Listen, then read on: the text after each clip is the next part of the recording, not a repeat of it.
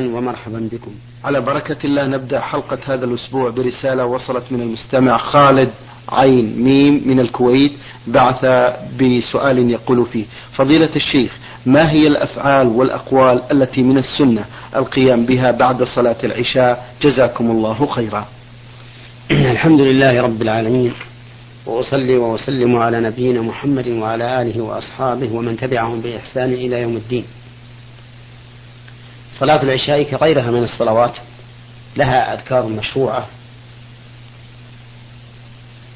فأول ما يسلم يستغفر الله ثلاثا ويقول اللهم أنت السلام ومنك السلام تبارك يا ذا الجلال والإكرام. ثم يذكر الله ثلاث مرات. ثم يأتي بما جاء جاءت به السنة من الأذكار الأخرى ومنها أن يسبح الله تعالى ثلاثا وثلاثين ويحمد الله ثلاثا وثلاثين ويكبر الله أربعا وثلاثين. ومنها أن يقول سبحان الله والحمد لله والله أكبر ثلاثة وثلاثين ويتمم المئة بقوله لا إله إلا الله وحده لا شريك له له الملك وله الحمد وهو على كل شيء قدير. ومنها أن يقول سبحان الله والحمد لله والله أكبر خمسا وعشرين مرة. ومنها أن يقول سبحان الله عشر مرات الحمد لله عشر مرات والله أكبر عشر مرات. ثم يصلي بعد ذلك الراتبة سنة العشاء ركعتين. ثم ينام ولا يشتغل بشيء من أمور الدنيا لأن النبي صلى الله عليه وسلم كان يكره النوم قبل العشاء والحديث بعدها. إلا الحديث اليسير مع الأهل والأصحاب أو المذاكرة في العلم فإن هذا لا بأس به. وأما ما يفعله كثير من الناس اليوم يسهرون الليل سهرا طويلا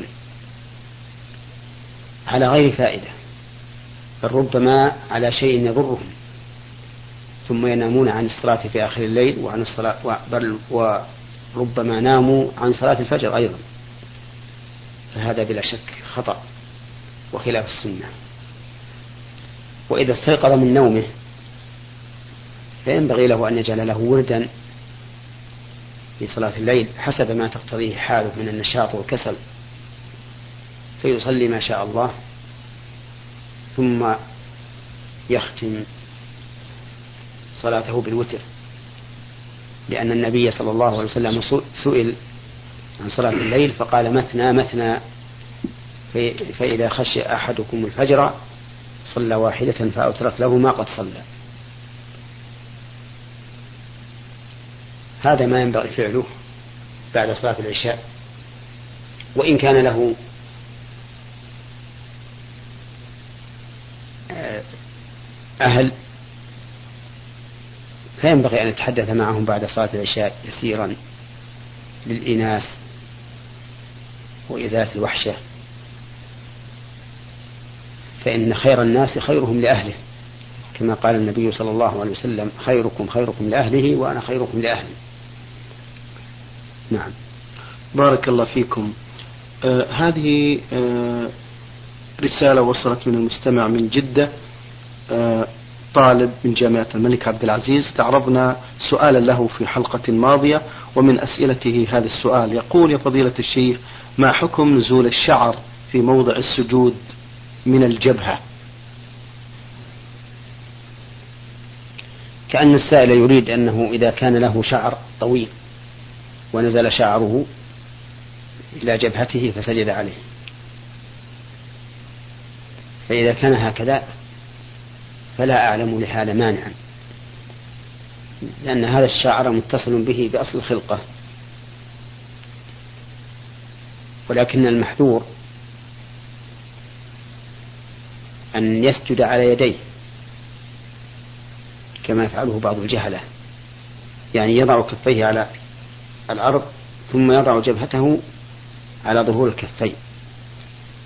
فإن هذا محذور. وقد صرح أهل العلم بأن ذلك لا يجزئ لا يجزئ الإنسان في سجوده. الواجب الحذر منه. وقد ذكر أهل العلم رحمهم الله أن السجود على حائل ينقسم إلى ثلاثة أقسام. قسم لا يجزئ السجود معه وهو ما إذا كان الحائل من أعضاء السجود بأن يسجد بجبهته على كفيه أو يسجد بكفيه على ركبتيه. فسجود هذا غير مجزئ. ومن المعلوم أنه إذا بطل السجود فقد بطل ركن من أركان الصلاة فتبطل الصلاة والقسم الثاني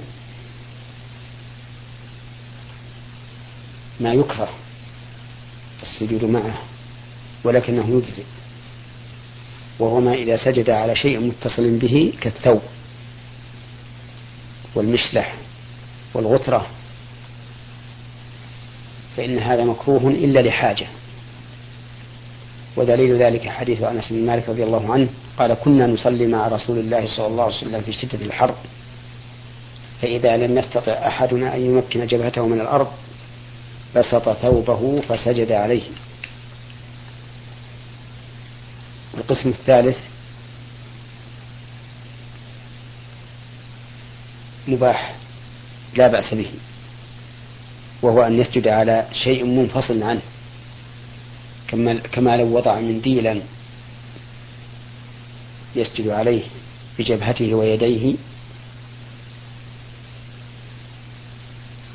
ونحو ذلك فإن هذا لا بأس به لأنه ثبت عن النبي صلى الله عليه وسلم أنه صلى على الخمرة والخمرة خصيف من سعف النخل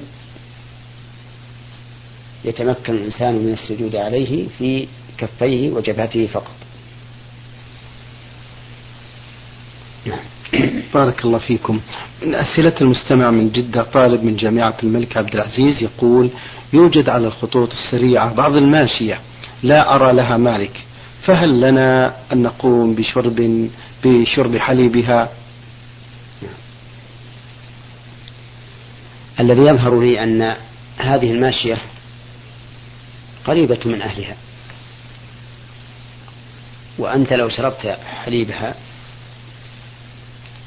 أتلفته عليهم. فالورع لك تركها وألا تشرب من حليبها. لأن لأنه لو عثر صاحبها على ذلك لحصلت بينك وبينه مشاكل. والإنسان مأمور بترك ما يؤدي إلى المشاكل والخصوم. ولهذا نهى النبي صلى الله عليه وسلم أن يبيع الرجل على بيع أخيه. أو يخطب على خطبة أخيه كل هذا من أجل يبتعد الناس عن المشاكل فيما بينهم. نعم لو وجدت ماشية كثيرة في مكان ليس حولها راعي فلك أن تشرب من لبنها بشرط أن لا يضر على أولادها إن كان لها أولاد. بشرط أن لا يؤثر على أولادها إن كان لها أولاد. نعم. هذا المستمع رمز لاسمه بباء محمد من العراق محافظة نينوى. فهمت من سؤاله فضيلة الشيخ بأنه يسأل عن زواج البدل. زواج البدل الذي يسمى في الشرع الشغار محرم ولا يصح لأن النبي صلى الله عليه وسلم نهى عن الشغار وقال لا شغار في الإسلام. والشغار هو أن يزوج الإنسان موليته شخصا على أن يزوجه هذا الشخص موليته. مثل أن يقول شخص لآخر أنا أزوجك أنا أزوجك ابنتي على أن تزوجني ابنتك. فهذا لا يجوز لنهي النبي صلى الله عليه وسلم عنه. ولأنه يؤدي إلى مفاسد. فإن هذا الرجل جعل ابنته بمنزلة السلعة التي يتوصل بها إلى مقصوده. ولأنه ربما يزوجها من ليس كفءا لها من أجل مصلحة نفسه. فإن قال قائل لا يمكن أن نزوجها من ليس بكفء إلا برضاها لأن المرأة لا يجوز إجبارها على النكاح ولو كانت بكرا ولو كان المجبر أباها. فالجواب عن ذلك أن يقال إنها ربما تأذن وتوافق لا حبا في, هذا الرجل الذي يريد زواجها ولكن من أجل مصلحة أبيها. فتكون موافقتها عن غير اقتناع ورضا. فإن كان هذا الأمر قد وقع تبادل فالواجب على الزوجين أن يتوقفا عن الاستمتاع بالنساء حتى تصل المسألة إلى المحكمة. والحاكم يحكم بما يراه في هذه المسألة ويمشى على حكمه. نعم. يقول في سؤاله الثاني يتعلق بالتدخين حكم الشرع في نظركم في التدخين فضيلة الشيخ؟ وأيضا يقول ما حكم المتاجرة به؟ نعم. التدخين الذي هو شرب الدخان اختلف أهل العلم فيه. ما بين مبيح ومحرم كما هو الشأن في كل أمر جديد يطرأ على الساحة فإن العلماء تختلف اجتهاداتهم فيه. ولكن في الآونة الأخيرة تبين للإنسان أنه لا يمكن القول بإباحته. لما يشتمل عليه من الأضرار المستعصية التي تؤدي بصاحبها إلى الهلاك. وقد قال الله تعالى ولا تقتلوا أنفسكم إن الله كان بكم رحيما وقال تعالى ولا تلقوا بأيديكم إلى التهلكة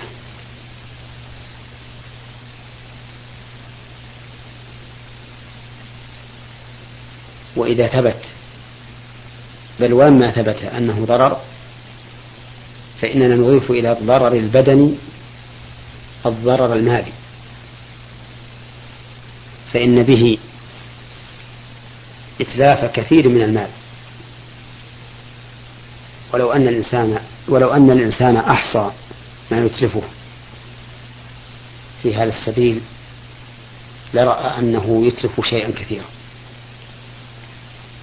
فيكون صرف المال فيه من باب إضاعة المال. وقد قال الله تعالى ولا تؤتوا السفهاء أموالكم التي جعل الله لكم قياما. فنهى عن اتيان السفهاء وهم الذين لا يحسنون التصرف في وهم الذين لا يحسنون التصرف في أموالهم أن يؤتوا المال وبين أن المال قيام أي تقوم به مصالح الدين والدنيا. وإنما نهى عن اتيان السفهاء أموالهم وإنما نهى عن إتيان السفهاء أموالهم التي قال الله أموالكم. قال الله عنها أموالكم لأجل أن يكون الإنسان حريصا على مال اليتيم كما يحرص على ماله. وإلا فمن المعلوم أن المال لليتيم. نهى, السفهاء نهى عن إتيان السفهاء ذلك لأن السفهاء لا يحسنون, لا يحسنون التصرف فيها. وثبت عن النبي صلى الله عليه وسلم أنه نهى عن إضاعة المال.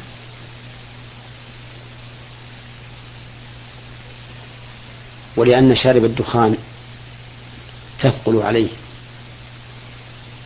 العبادات ولا سيما الصوم لأنها تحجزه عن شربه. وإنه بهذه المناسبة مناسبة استقبال شهر رمضان عام عشرة وأربعمائة وألف. أحب أن أوجه نصيحة قصيرة إلى الذين ابتلوا بشربه وأقول إن هذا الشهر المبارك شهر رمضان ميدان فسيح للتسابق إلى تركه.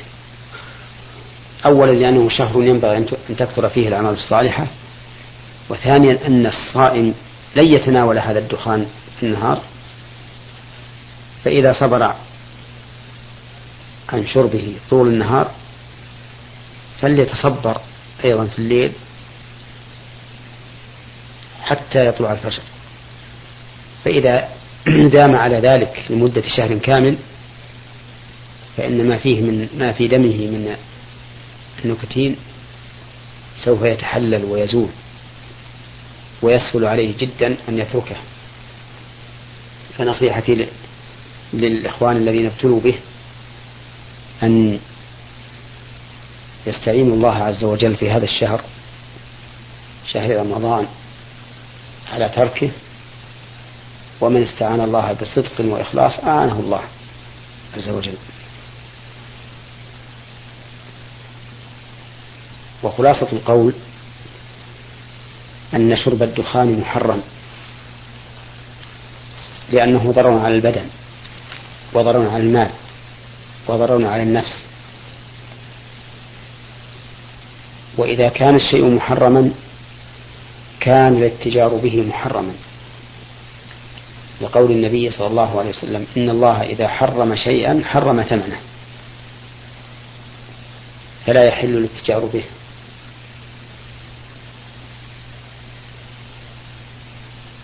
وعلى من ابتلي بذلك أن يقلع عن هذا.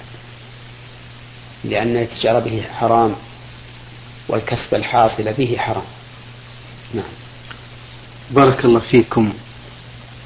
آه في سؤاله الأخير في سؤال المستمع من العراق من محافظة نينوى محمد باء ألف يقول بأنه طالب في المدرسة وعندهم مدرسة غير متحجبة وتظهر من شعرها مع العلم بأن هذه المدرسة غير مسلمة فما الواجب علينا أن نفعل نحن الطلاب؟ الواجب عليكم أن تطلبوا أو أن تبحثوا عن مدرسة أخرى ليست المدرسة فيها امرأة لأن اتقاء الفتنة واجب. وبقاءكم في هذه المدرسة سبب للفتنة. فإن لم تجدوا سواها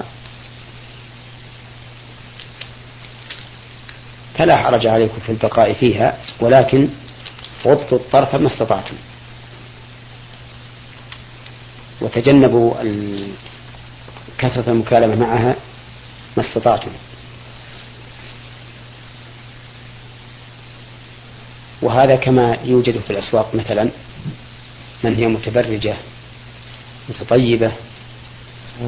ومع هذا لا نقول للناس امتنعوا عن النزول إلى أسواقكم بل نقول انزلوا إلى أسواقكم وانهوا عن المنكر ما استطعتم وغضوا البصر طرف وأقلوا المحادثة إلا للضرورة. ولنا في هذا الأمر قواعد مهمة من الشرع مثل قوله تعالى وما جعل عليكم في الدين من حرج ومثل قوله يريد الله بكم اليسر ولا يريد بكم اليسر ومثل قول النبي صلى الله عليه وسلم إن هذا الدين يسر فإذا لم نجد أو فإذا لم لم نتمكن من إزالة هذا المنكر ونحن في حاجة إلى أن ننزل إلى السوق أو إلى أن نبقى في المدرسة فأرجو أن لا يكون علينا في ذلك حرج. نعم. بارك الله فيكم. نعود إلى رسالة المستمع آه، من جدة من طالب في جامعة الملك عبد العزيز يقول آه، فضيلة الشيخ إذا أصابتني جنابة في منطقة شديدة البرودة فهل يجوز لي التيمم؟ نعم. إذا أصيب الإنسان بجنابة أصاب الإنسان جنابة في مكان شديد البرودة فالواجب عليه أن يسخن الماء. فإن لم يتمكن من تسخينه أو تمكن من تسخينه لكنه لم يجد شيئا يلوذ به عن الهواء البارد فله أن يتيمم. ويصلي. فإذا زال المانع وجب عليه أن يغتسل. ولا يقول إن التيمم كاف عن الغسل لأن التيمم يكفي عن الغسل على وجه مؤقت حتى يزول المانع من استعمال الماء. ودليل ذلك ما ثبت في صحيح البخاري من حديث عمران بن حسين الطويل وفيه أن أن النبي صلى الله عليه وسلم صلى فرأى رجلا معتزلا لم يصلي في القوم. فقال ما منعك؟ قال أصابتني جنابة ولا ماء. فقال عليك بالصعيد فإنه يكفيك ثم جاء الماء. فأعطى النبي صلى الله عليه وسلم هذا الرجل منه. وقال اذهب فأفرغه على نفسك. فدل هذا على أن رفع الجنابة بالتيمم رفع مؤقت ويدل لذلك أيضا حديث أبي هريرة أن النبي صلى الله عليه وسلم قال الصعيد الطيب وضوء المسلم وإن لم يجد الماء عشر سنين فإذا وجده فليتق الله وليمسه بشرته. من أسئلته يقول آه، طالب في جامعة الملك عبد العزيز والدي يحتاجني في عمله و إيش يحتاج؟ يحتاجني في عمله نعم. وحاجة أهلي وأخي الأكبر في مدينة أخرى يطلب العلم وأنا أريد أن أذهب إلى الجهاد ولم يرضى أحد من الوالدين. فهل يحق لي الذهاب مع العلم؟ أن أخي يقدر أو يقدر أن يقوم مقامي بترك دراسته. نعم لا يحل لك أن تذهب إلى الجهاد وأهلك محتاجون إليك ومانعوك من السفر إلى الجهاد. بل حتى وإن لم يحتاجوا إليك إذا لم يأذنوا لك فإنه لا يحل لك أن تذهب إلى الجهاد. لأن بر الوالدين أفضل من الجهاد في سبيل الله. كما ثبت ذلك في الصحيحين من حديث عبد الله بن مسعود رضي الله عنه أن النبي صلى الله عليه وسلم بل من حديث عبد الله بن مسعود رضي الله عنه قال سألت النبي صلى الله عليه وسلم أي العمل أحب إلى الله؟ قال الصلاة على وقتها. قلت ثم أي قال بر الوالدين. قلت ثم أي قال الجهاد في سبيل الله. فقدم النبي صلى الله عليه وسلم بر الوالدين على الجهاد في سبيل الله. وأما أخوك فإن تقربه لطلب العلم فيه خير كثير وأجر عظيم وطلب العلم كالجهاد في سبيل الله لأن الله تعالى جعله عديلا له في قوله وما كان المؤمنون لينفروا كافة فلولا نفر من كل فرقة منهم طائفة ليتفقهوا في الدين ولينذروا قومهم إذا رجعوا إليهم لئلا يحذرون. فجعل الله التفقه في الدين معادلا للجهاد في سبيل الله. وغزو المسلمين ليس بالسلاح فقط وإنما هو بالسلاح والفكر والخلق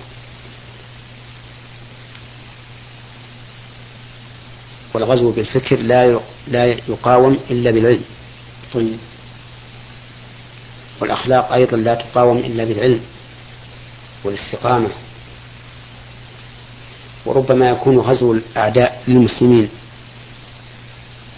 غزوا فكريا أعظم فتكا بهم من الغزو بالسلاح المادي. لأن النوع الأول من الغزو غزو يدخل بدون استئذان ويحتل بدون قتال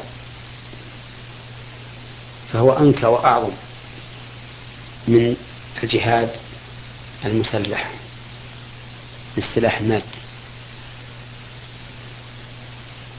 والمسلمون يجب عليهم هذا وهذا. ولهذا قال قال الله تعالى لنبيه محمد صلى الله عليه وسلم يا أيها النبي جاهد الكفار والمنافقين واغلظ عليهم. ومعلوم أن النبي صلى الله عليه وسلم لم يجاهد المنافقين بالسلاح المادي ولم يؤمر به وإنما يجاهد المنافقين بالسلاح العلمي والبيان والإرشاد. فسفر أخيك لطلب العلم وتغربه لطلب العلم لا شك أنه خير كثير. أما أنت فالخير لك أن تبقى عند أهلك وأن تقوم ببر والديك. وإذا كان لديك مال فجاهد بمالك لأن الجهاد بالمال كالجهاد بالنفس بل هو قرينه في كتاب الله عز وجل. نعم. بارك الله فيكم فضيلة الشيخ. هذا مستمع للبرنامج أبو عبد الله من المنطقة الشمالية يقول آه، يسأل فضيلة الشيخ عن عدد ركعات صلاة قيام الليل وهل تكون القراءة بالجهر أم بالسر؟ وهل يجوز أن أقرأ من الكتاب؟ عندما لا أكون حافظا للقرآن أرجو الإفادة. جزاكم الله خيرا. هذا السؤال يتضمن ثلاث مسائل. الأول طيب. الأولى عدد صلاة الليل.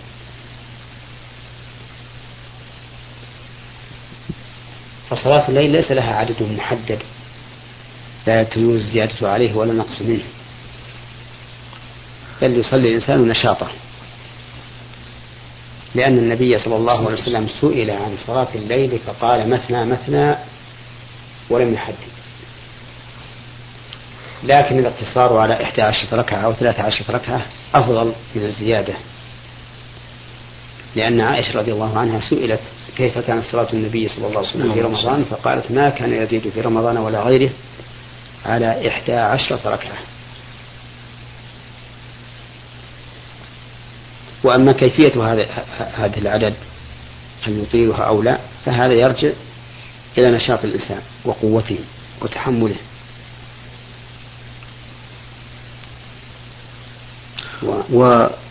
ويقول وهل تكون القراءة بالجهر أم بالسر؟